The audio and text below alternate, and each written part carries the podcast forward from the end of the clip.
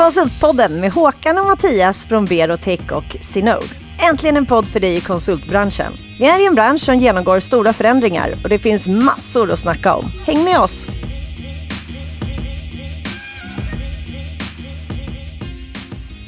Håkan, Konsultpodden. Ja, Ja, nu är vi här hur igen. känns det? Det känns som vanligt alltid bra. Ja, Nya men liv. ni hade en jättestor här, alla hjärtans dag, då firar ni 20 år på Berotech. Ja, precis. Vilken prestation. Det, festen lär ju bli någon gång i oktober, men vi, ja, det är så. 20 14, januari, 14 februari för 20 år sedan så, så etablerade jag den här idén med Berotech och det är sjukt häftigt att den still kicking kan man säga. Nej, det är roligt. bra. Ja, Bra jobbat. ja, tack. Det är roligt. Och det då, hur mår du? Nej men jag mår bra. Vi hade två födelsedagskalas här. En tvååring och en fyraåring har jag. Du tar dem tätt har jag sett. Ja, jag tar dem tätt. Så fyller jag snart år. jag fyller lite äldre. Men eh, vi tar dem tätt, så att det är ett kalas här i helgen, ett kalas nästa helg. Jag ser. Ja. Men det är kul. Men vi har ju med oss en, en och nu, nu ska jag, nu ska jag ge, ge cred där in, innan vi säger Vadå, ska vi namnet. det trumvirvlar nu? Ja, eller? lite så här. Det är årets VD, det är näringslivets mäktigaste entreprenör, årets kvinnliga stjärnskott och sen mycket, mycket mer. Plus att jag hörde en ny sak, att jag är högst rankad i karate i Norden. Välkommen Pernilla Ramslöv! Tack! Ja, Fick jag rätt? Vilka, Ja. vil- vilka utmärkelser har vi glömt? nej men eh, det, det där är jättebra. Ja. kän- eh, har det stigit dig åt huvudet nu? Nej, men det är ju så lite grann, alltså, man är ju fortfarande bara sig själv. Alltså, det är ju sådär, det är klart att det är, det är roligt i stunden och det är roligt för bolaget. Men sen är det ju bara tillbaka till vardagen. Alltså, jag tror att eh, det är ju det som, eh, som gör att man har fått de där eh, utmärkelserna och det är det som gör att man ska bara fortsätta tugga på. Ja. Ja. Men det är skönt att du står på benen eller på, i myllan I ordentligt. myllan, ja men Ja. precis. Ja, Och ni ska snacka lite Linköping, Norrköping. Ja, Vi kan ta lite på skötska sen. Ja, vi det kan vi tar det. bjuda på. De får texta. Ja. Men eh, vi börjar från början. Hur kom du in i konsultbranschen? Jo, men jag kom in i konsultbranschen, eh, för alltså jag, jag pluggade på teknis och eh, läste materialteknik och sen höll jag på med det i tre år. Men så insåg jag att det där var ju inte riktigt min grej. Och då var alla lekkamrater, eller alla, väldigt många lekkamrater var i konsultbranschen. Och det var på den tiden då de tog in vad för skit som helst. Så då, Då fick du också så- ett jobb. Då fick jag också Ja, jobb! Ja. Ja. Så det var ju jättebra. Så då kom jag in som projektledare på VM-data. Jag kunde inte ett piss om IT faktiskt. Men det gick ju bra ändå. Blir du projektledare? Ja, blev jag projektledare. Men jag var ganska bra på att ställa frågor och sen på tekniskt så lärde man sig att ta in information snabbt och eh, lösa problem. Så att lite hade jag med mig i bagaget. Schysst. Ja. Kan du lägga till skådespelare kanske på den här listan nu då? Ja. Men det, det ska inte undervärdera. Nej men du har haft en fantastisk karriär. Och innan du startade Nox. Jag såg, eller? ja, men vad, du tänkte på att vi höll på att starta det där när vi körde AI-bolaget eller? Nej. Berätta, nej, men berätta re, resan. Nej men resan. Nej men sen, jag var ju på VM-data ett tag. Eh, och, men det gick ganska bra på, på VM-data. Eh, och, och det tror jag faktiskt var för att eh, ja, men jag hade ett väldigt starkt kundfokus eh, som bar frukt. Eh, kunderna gillade att ha någon som faktiskt brydde sig på riktigt. Ja, det är bra. Eh, och så hamnade jag i ledningen på eh, ett av de största eh, VM-databolagen. Men sen så kände jag att nej, men nu är det dags att starta eget. Och då i den vevan så, så träffade jag en tjej som precis hade startat. Och det var kärlek vid första ögonkastet mellan två heterosexuella kvinnor. Och eh, vi sa, vi kör ihop. Och det gjorde vi och det blev ett AI-bolag som startades då 2000. Så det var verkligen... Ni låg eh, väldigt långt före var er tid. långt före vår tid. Det var förmodligen lite för långt före vår tid. Men vi hade fantastiskt roligt. Eh, och drog upp det där bolaget och startade eh, liksom, ja, ut, ut, utomlandsverksamhet både i, liksom i USA och Indien och med försäljning i hela världen. Fantastiskt roligt. Kul. Vilket du driv. vågar. Var, var kommer entreprenörsdrivet ifrån? Ja, men mitt våga kommer ju från, eh, från mina föräldrar och från myllan i Linköping. Eh, men för jag, och jag tror det beror på att jag hade väldigt stora tankar. Jag var väl, hade nog väldigt livlig fantasi när jag var liten. Och, eh, och väldigt stora tankar om vad man skulle göra här i, i världen. Och jag ville bli uppfinnare, jag blev, ville bli första kvinnan i rymden och det var massor av saker. Eh, och mina föräldrar lät mig ha alla de här stora tankarna. Och, eh, och bara så här, ja men det är väl klart Pernilla att du kan bli det. Bra så jag hade föräldratips. liksom Ja. aldrig några begränsningar. Underbart. Och det var ju helt underbart. Så att jag tro, levde ju i den tron att jag kunde göra vad som helst. Ja, men det har Ja. väl nästan gjort också. Ja, men och, det, det, och jag tror det är lite härligt eh, faktiskt. Jag tror att det där präglar människor redan från början. Jag, Jag tar med det är det verkligen som ett eh, kan... föräldratips. till- Föräldratips, ja. Och det är lätt att man Eh. begränsar sina barn och sig själv många gånger. det är Ja, absolut. Att, ja, absolut. Men eh, och jag tror det är smart att ta bort mycket av de där begränsningarna, både för sig själv eller hur? och för sin omgivning. Precis. Ja. Så det var, Så- inte, det var kanske inte var någon målbild om att du skulle stå och vara med i en podd här till slut, Nej. mitt i karriären. Nej, nej, men såklart inte. Nej.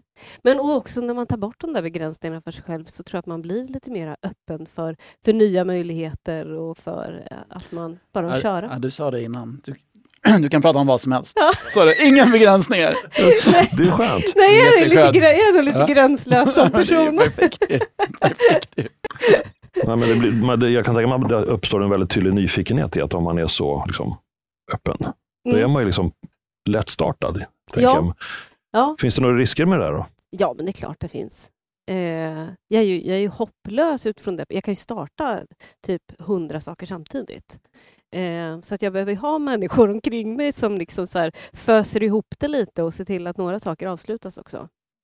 Mm. Men det är häftigt att kunna Har det något med Östergötland att göra tror du? Jag tycker jag känner igen mig Ja, där. det kan ju vara det. Tror du inte det? Att det kommer ifrån... Mm. Ja. Ja. men det där är ju bra, att man måste ha vänner som hjälper den där så att man inte skenar iväg för mycket. Ja. Ja. Häftigt. Hur länge körde du det där specialbolaget, Ja, AI-bolaget? men då? det, vi blev uppköpta 2007, så sju år körde vi det. Och så blev vi uppköpta av ett amerikanskt konsultbolag. Och sen blev jag kvar då i ytterligare tre och ett halvt år, satt i koncernledningen. Så att, eh, ja.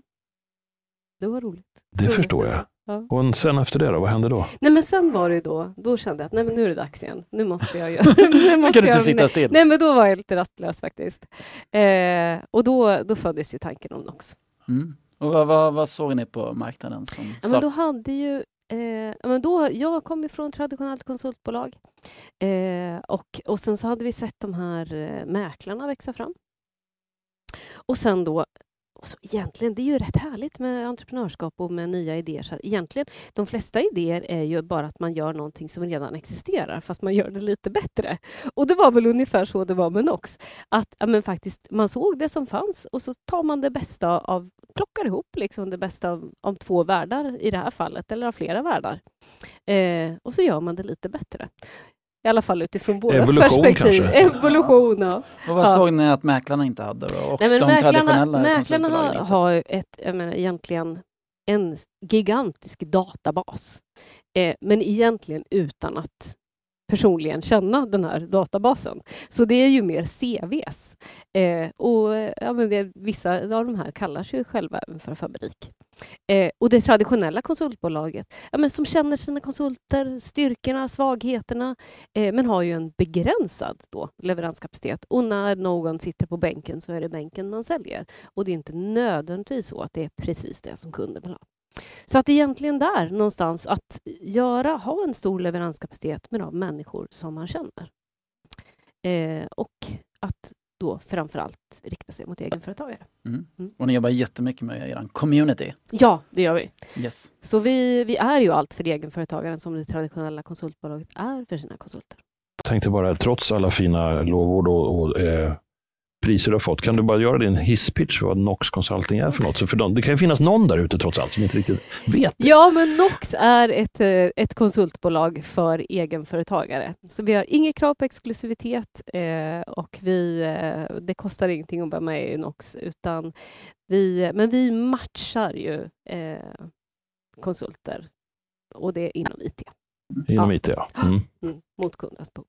Men sen Ja. omfamnar ni det lite mer konsulterna än mäklarna och community? Och... Ja, men precis. Så vi, det här communityt, det är ju, vi bygger ju det utifrån tanken om att lojaliteten inte sitter i anställningsavtalet utan det sitter i hjärtat på de individer som vi jobbar med. Och vi skapar den här lojaliteten genom ett inkluderande ledarskap, genom varm kultur, sunda värderingar och ett väldigt starkt why. Mm.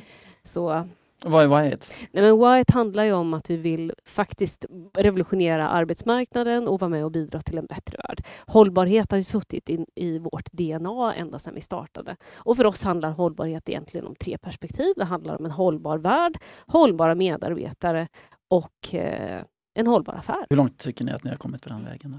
Vi är ju bara precis i början.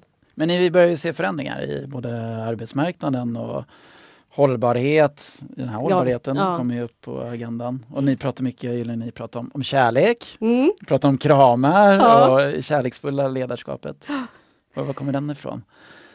Ja, men det är ju utifrån att ja, men vi tror genuint på att alltså, det är relationen mellan människor som är en, en av våra starkaste krafter.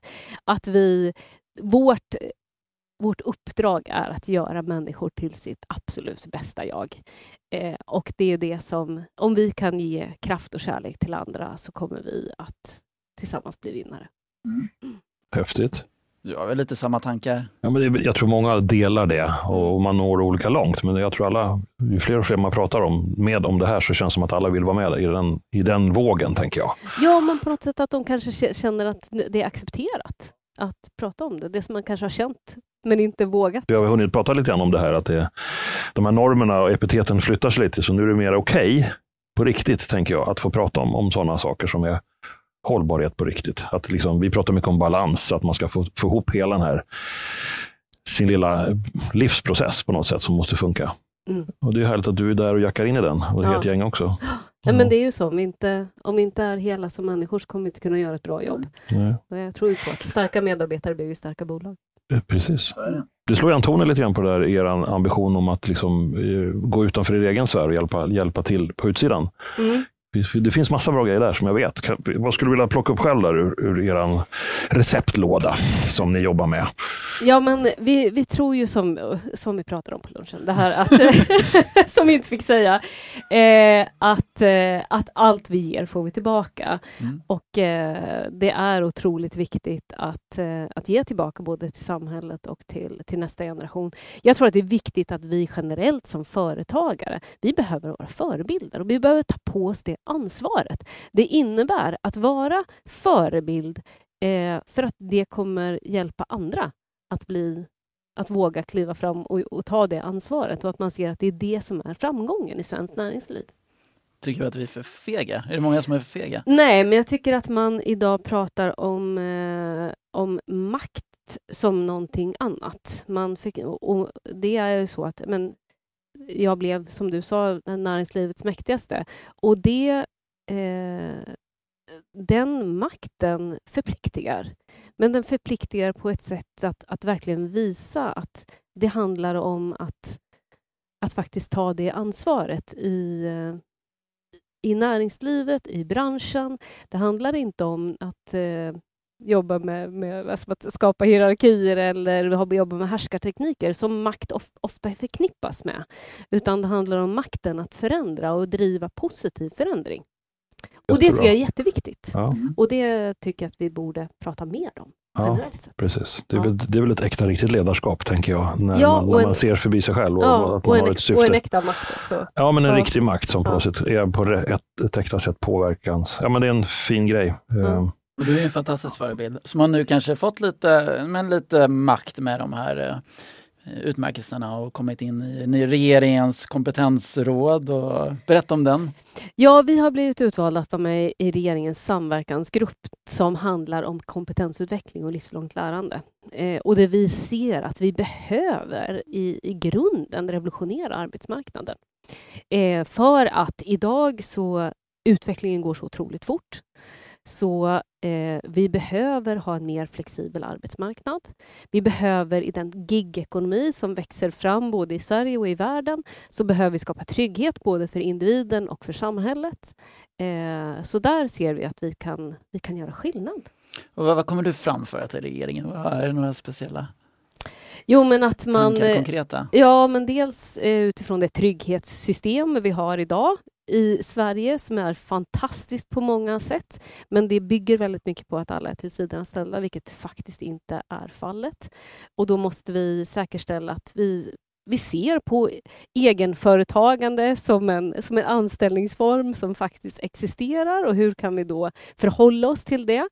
Eh, och att vi måste hitta nya sätt även till kompetensutveckling som inte handlar om att vi ska liksom, gå på högskolan. För takten går så väldigt fort och då måste vi skapa förutsättningar för att vi ska kunna kompetensutveckla oss och, och se att, att det är ett livslångt lärande. Eh, ingen av oss kan längre vila på våra lagrar utan vi måste hela tiden, och då, och då handlar det om också att skapa ett mindset och nyfikenhet och, och också öppna ögonen för tekniken. För tekniken idag är ju så att det driver i princip all affärsutveckling. Och IT är kärnverksamhet för i princip alla företag.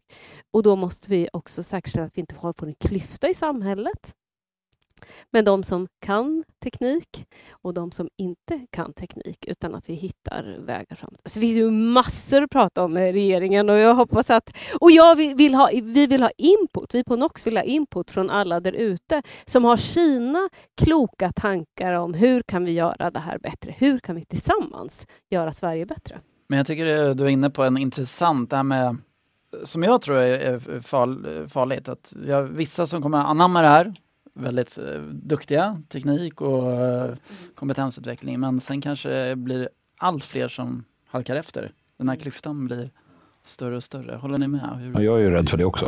Ja. Att, att det finns en risk. Jag var med någon jag, mer och mer.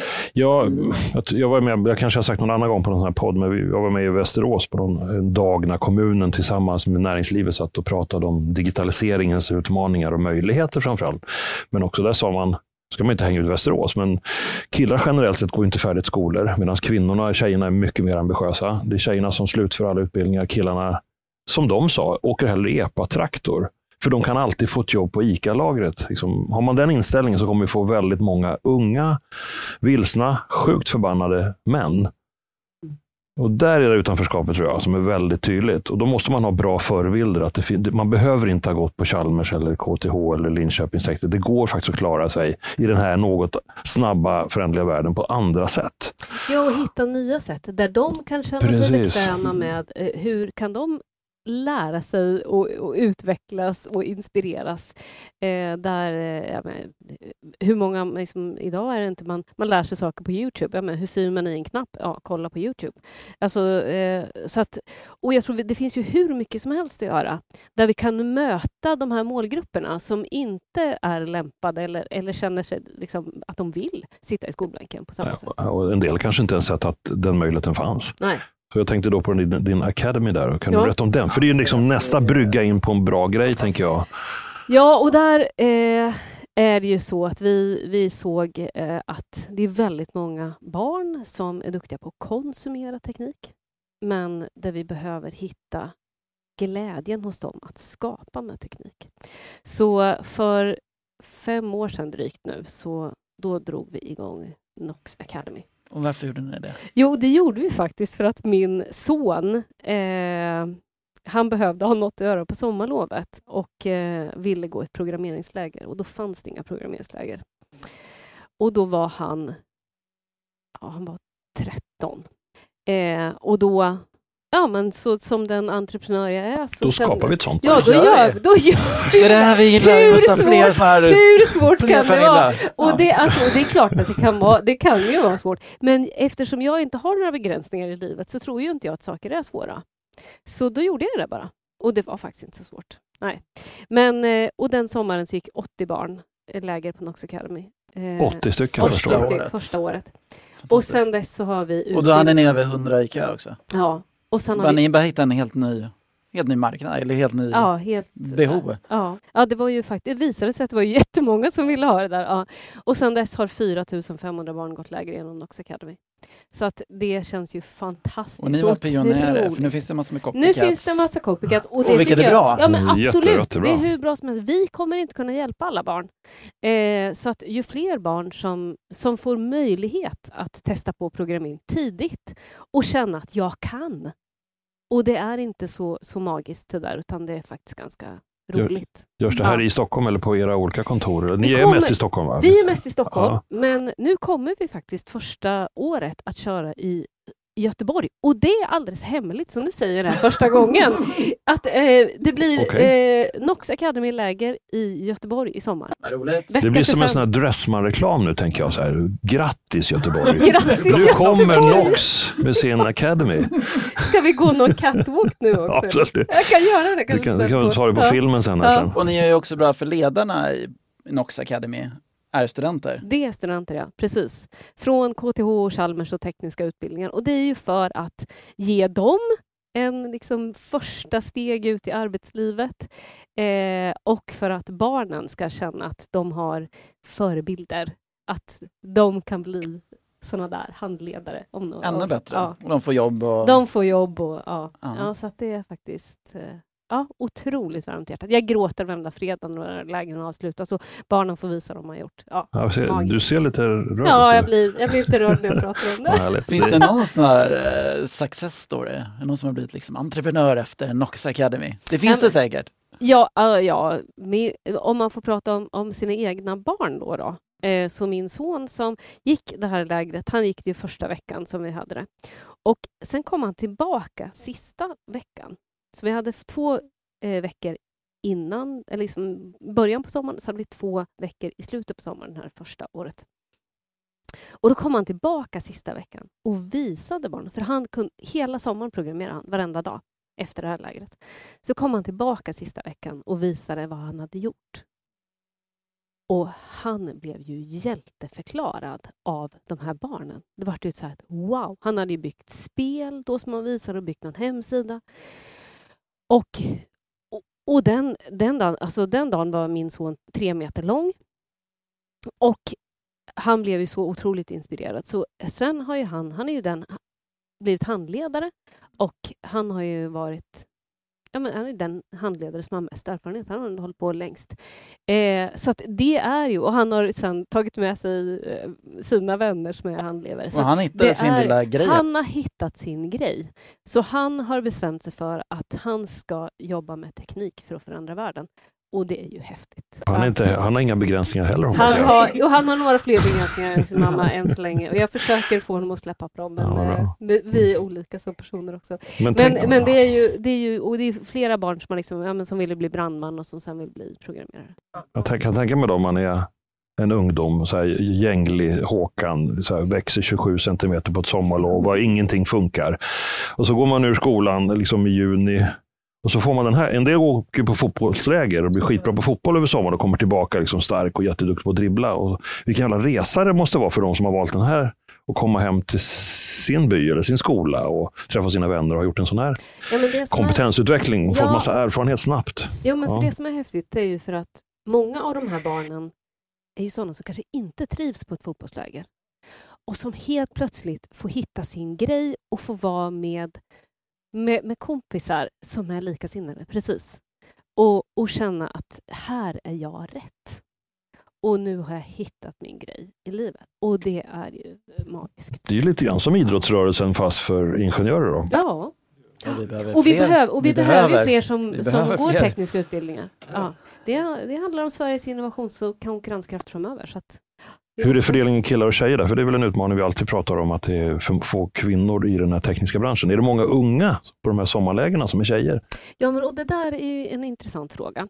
För att det som vi behöver göra är ju att vi behöver dels ha bilder på tjejer. Vi behöver ha handledare som är tjejer. Vi behöver ha Eh, innehåll som attraherar tjejer. Så generellt sett kan man säga att killar tycker det är roligast med att utveckla spel och bygga robotar och tjejer tycker det är roligast med att sätta upp webbsidor och jobba med mera sociala media och, och ljud och bild och sådana saker. Och då behöver vi säkerställa att vi har, vi har innehåll som passar alla målgrupper. Så att det jobbar vi ganska mycket med faktiskt. Och vi säkerställer att vi har lika mycket handledare som är killar som är tjejer eh, och sådär. För att verkligen...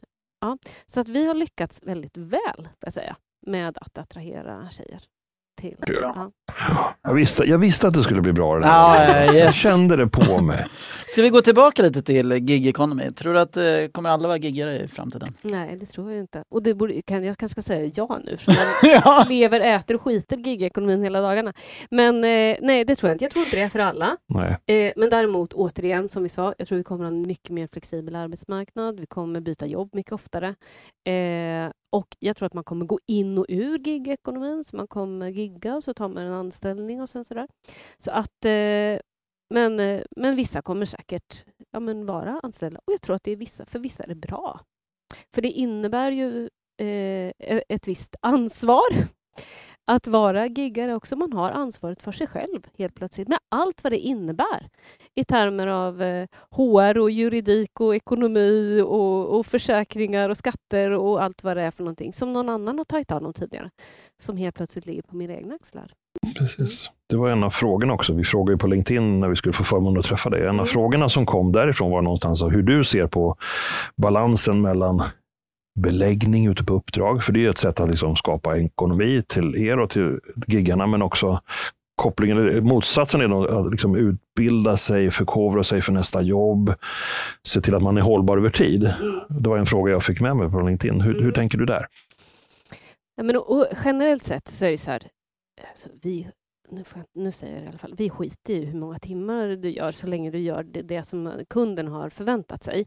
Men eh, det där är, och eftersom vi inte på det sättet, vi har ju inte kostnaden för, för personen i fråga om den inte debiterar. Så att, men generellt sett så är ju det där en utmaning. Att ha den där balansen. Eh, och den är ju säkert ännu svårare när man är egenföretagare för då handlar det om att det är mat på bordet. Och det där måste man ju verkligen tänka till på. Eh, att man faktiskt hela tiden, tror jag, behöver tänka till på, sitt, eh, på sin kompetensutveckling. Försöker ni utmana? Om det är en eh, konsult som fastnat på ett uppdrag i några år, försöker ni, verkligen, försöker ni utmana lite den konsulten? Eller ser ni att det är Ja, hens eget ansvar? Nej, vi pratar väldigt mycket om vad som är attraktivt och hur man är attraktiv liksom, i sin konsultroll. Eh, och eh, sen kan det ju vara sådana som, ja, men som är COBOL-utvecklare till exempel som faktiskt inte behöver de, de, är all, de är attraktiva precis som de är. Men, eh, men vi pratar väldigt mycket om det här och vi jobbar ju eh, aktivt med kompetensutveckling och vi gör det utifrån tre olika perspektiv. Så vi har kompetensutvecklingsaktiviteter. Och då, den första handlar om att fördjupa sig inom eller lära sig inom något nytt specialistområde. Och det kan ju vara, det kan ju vara allt från förändringsledning och arkitektur till machine learning och AI. Eh, så den typen av aktiviteter har vi. Sen har vi en annan typ av aktivitet som handlar om ditt företagande. Och det handlar mycket om det här med tryggheten, att vi har skattekvällar och försäkringskvällar och hur ska jag göra ett bra jobb på intervjun och hur ska min CV se ut och sådär. För att man ska må bra i sitt företagande. Och sen den tredje eh, kategorin som handlar om hälsa och balans i livet. För om man inte mår bra så kan man inte fakturera, då kan man inte jobba och då Nej. kan man inte fakturera, då kommer det inte in några pengar i bolaget och då blir det liksom inget bra som egenföretagare. Så allt det där är viktigt och vi försöker, för vi tycker att det är viktigt att vara en del av, av gigekonomin och även ta det ansvaret som krävs i gigekonomin så att vi hjälper våra giggare att vara så bra som möjligt. Jättebra. Bra.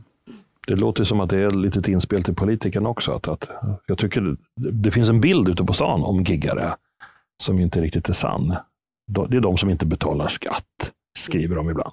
Alltså Ja. man nedvärderar det här. Och, Ja, man och att det är att massa egen- lycksökare som inte riktigt tänker efter. Jag tror att det är viktigt att man liksom har en balanserad bild på det, den här rollen vi jobbar med. Ja. Eh, Och att man också hjälper dem att förstå att det inte är helt guld och gröna skogar alla dagar, utan man måste skapa den här tryggheten. Men jag tror den här frågeställaren också tänkte lite grann att, att konsultbolaget har ett ansvar enbart, men jag hör ju du Och jag tänker det också själv, att det är den, genom att maktbalansen har flyttats, tycker jag, delvis ifrån arbetsgivarpart till den som faktiskt gör jobbet. Mm. Makten har flyttats dit. Mm. Eh, för att det är unika kompetenser, det är bråttom.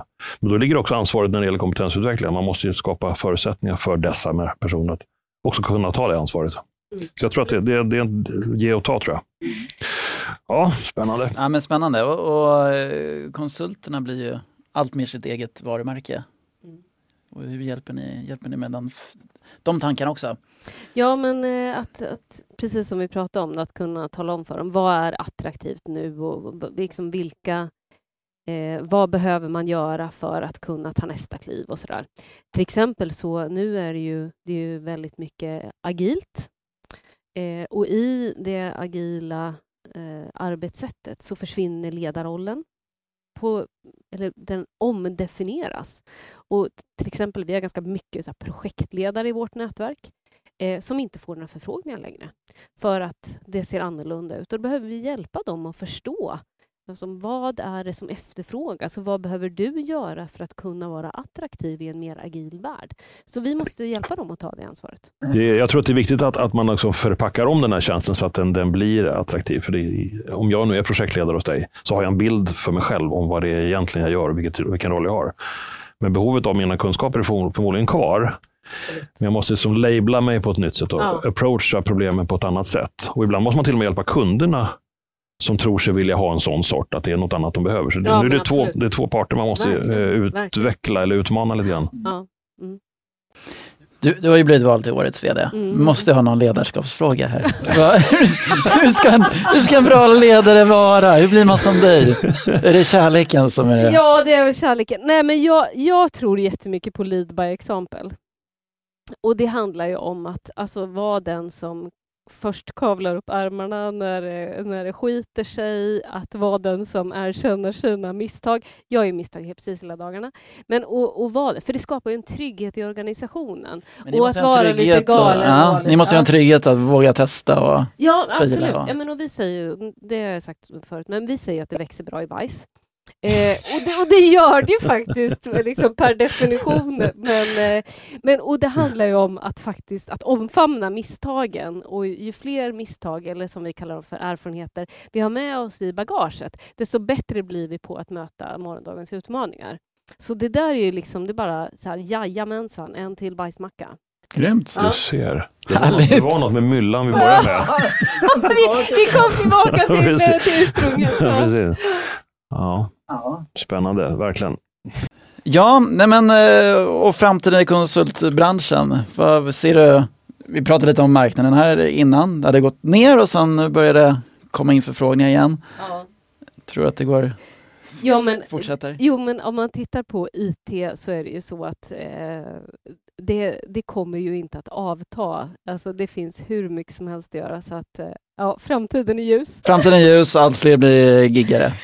Fler blir giggare och eh, fler blir poddare. Och, alltså, hur? livet är toppen. Och, och Ja, hur, fantastiskt. kommer du komma upp på månen då? Du var inte först då kanske? Nej, jag var ju inte först i rymden. Nej, jag vet inte. Nu har faktiskt min, min, den, här, den här nördsonen, han har ju sagt att så här, mamma, när, när vi kan göra rymdresor, ska vi åka du och jag då? Och jag Ja. måste säga att jag, nu är jag lite tveksam. Oj! det trodde jag inte om dig. men, eh, men det ska jag väl. Ja. Ja, härligt. Men du Pernilla, finns det någon gäst som du tycker skulle platsa här efter dig i den heta stolen? Ja, men en person som jag tycker är väldigt jätteimponerande eh, imponerande eh, utifrån eh, ledarskapsperspektiv. Han är rak och tydlig och ja, jag gillar Dimitris Geolekas ja, som eh, Bra Så förslag. honom tycker jag att ni ska hänga lite med. Ja men det, det vill vi. Ja. VD på Nitec och han brinner för mångfald. Absolut. Verkligen. Och då Ja. går cirkeln ihop när jag slutade på förra jobbet. Det var ju då Dimitri tog över. Så någonstans så cirklarna möts på flera håll Ja, här du idag. har till och med anställt Dimitris. Ja, det är ju en av mina stora framgångar faktiskt. Ja. det här är ju roligt. Ja, men det är väl, jag hoppas att ja, han vill men vara med. Dimitris hoppas vi lite Hur du, har vi, Ja. har vi glömt något? Jag tycker vi har varit lite Säkert. all over the Ja, place. Jag tycker men, att vi har pratat alldeles för kort tid. Men Ja. det, kan ju bli en upp, det kan ju bli en uppföljare känner ja, jag. det tycker jag. Ja. Ja, det är väl så vi säger. Ja. Stort tack för att du var med Pernilla. Jättemysigt att vara här Ja. och hänga med. Ja, med lite kärlek här inne. Ja. Bra, tack! Du har just lyssnat på ett avsnitt av Konsultpodden. med Håkan Mild Svensson på Berotech och Mattias Loxi på Synode. Eh, produktionen gör vi på Septemberfilm.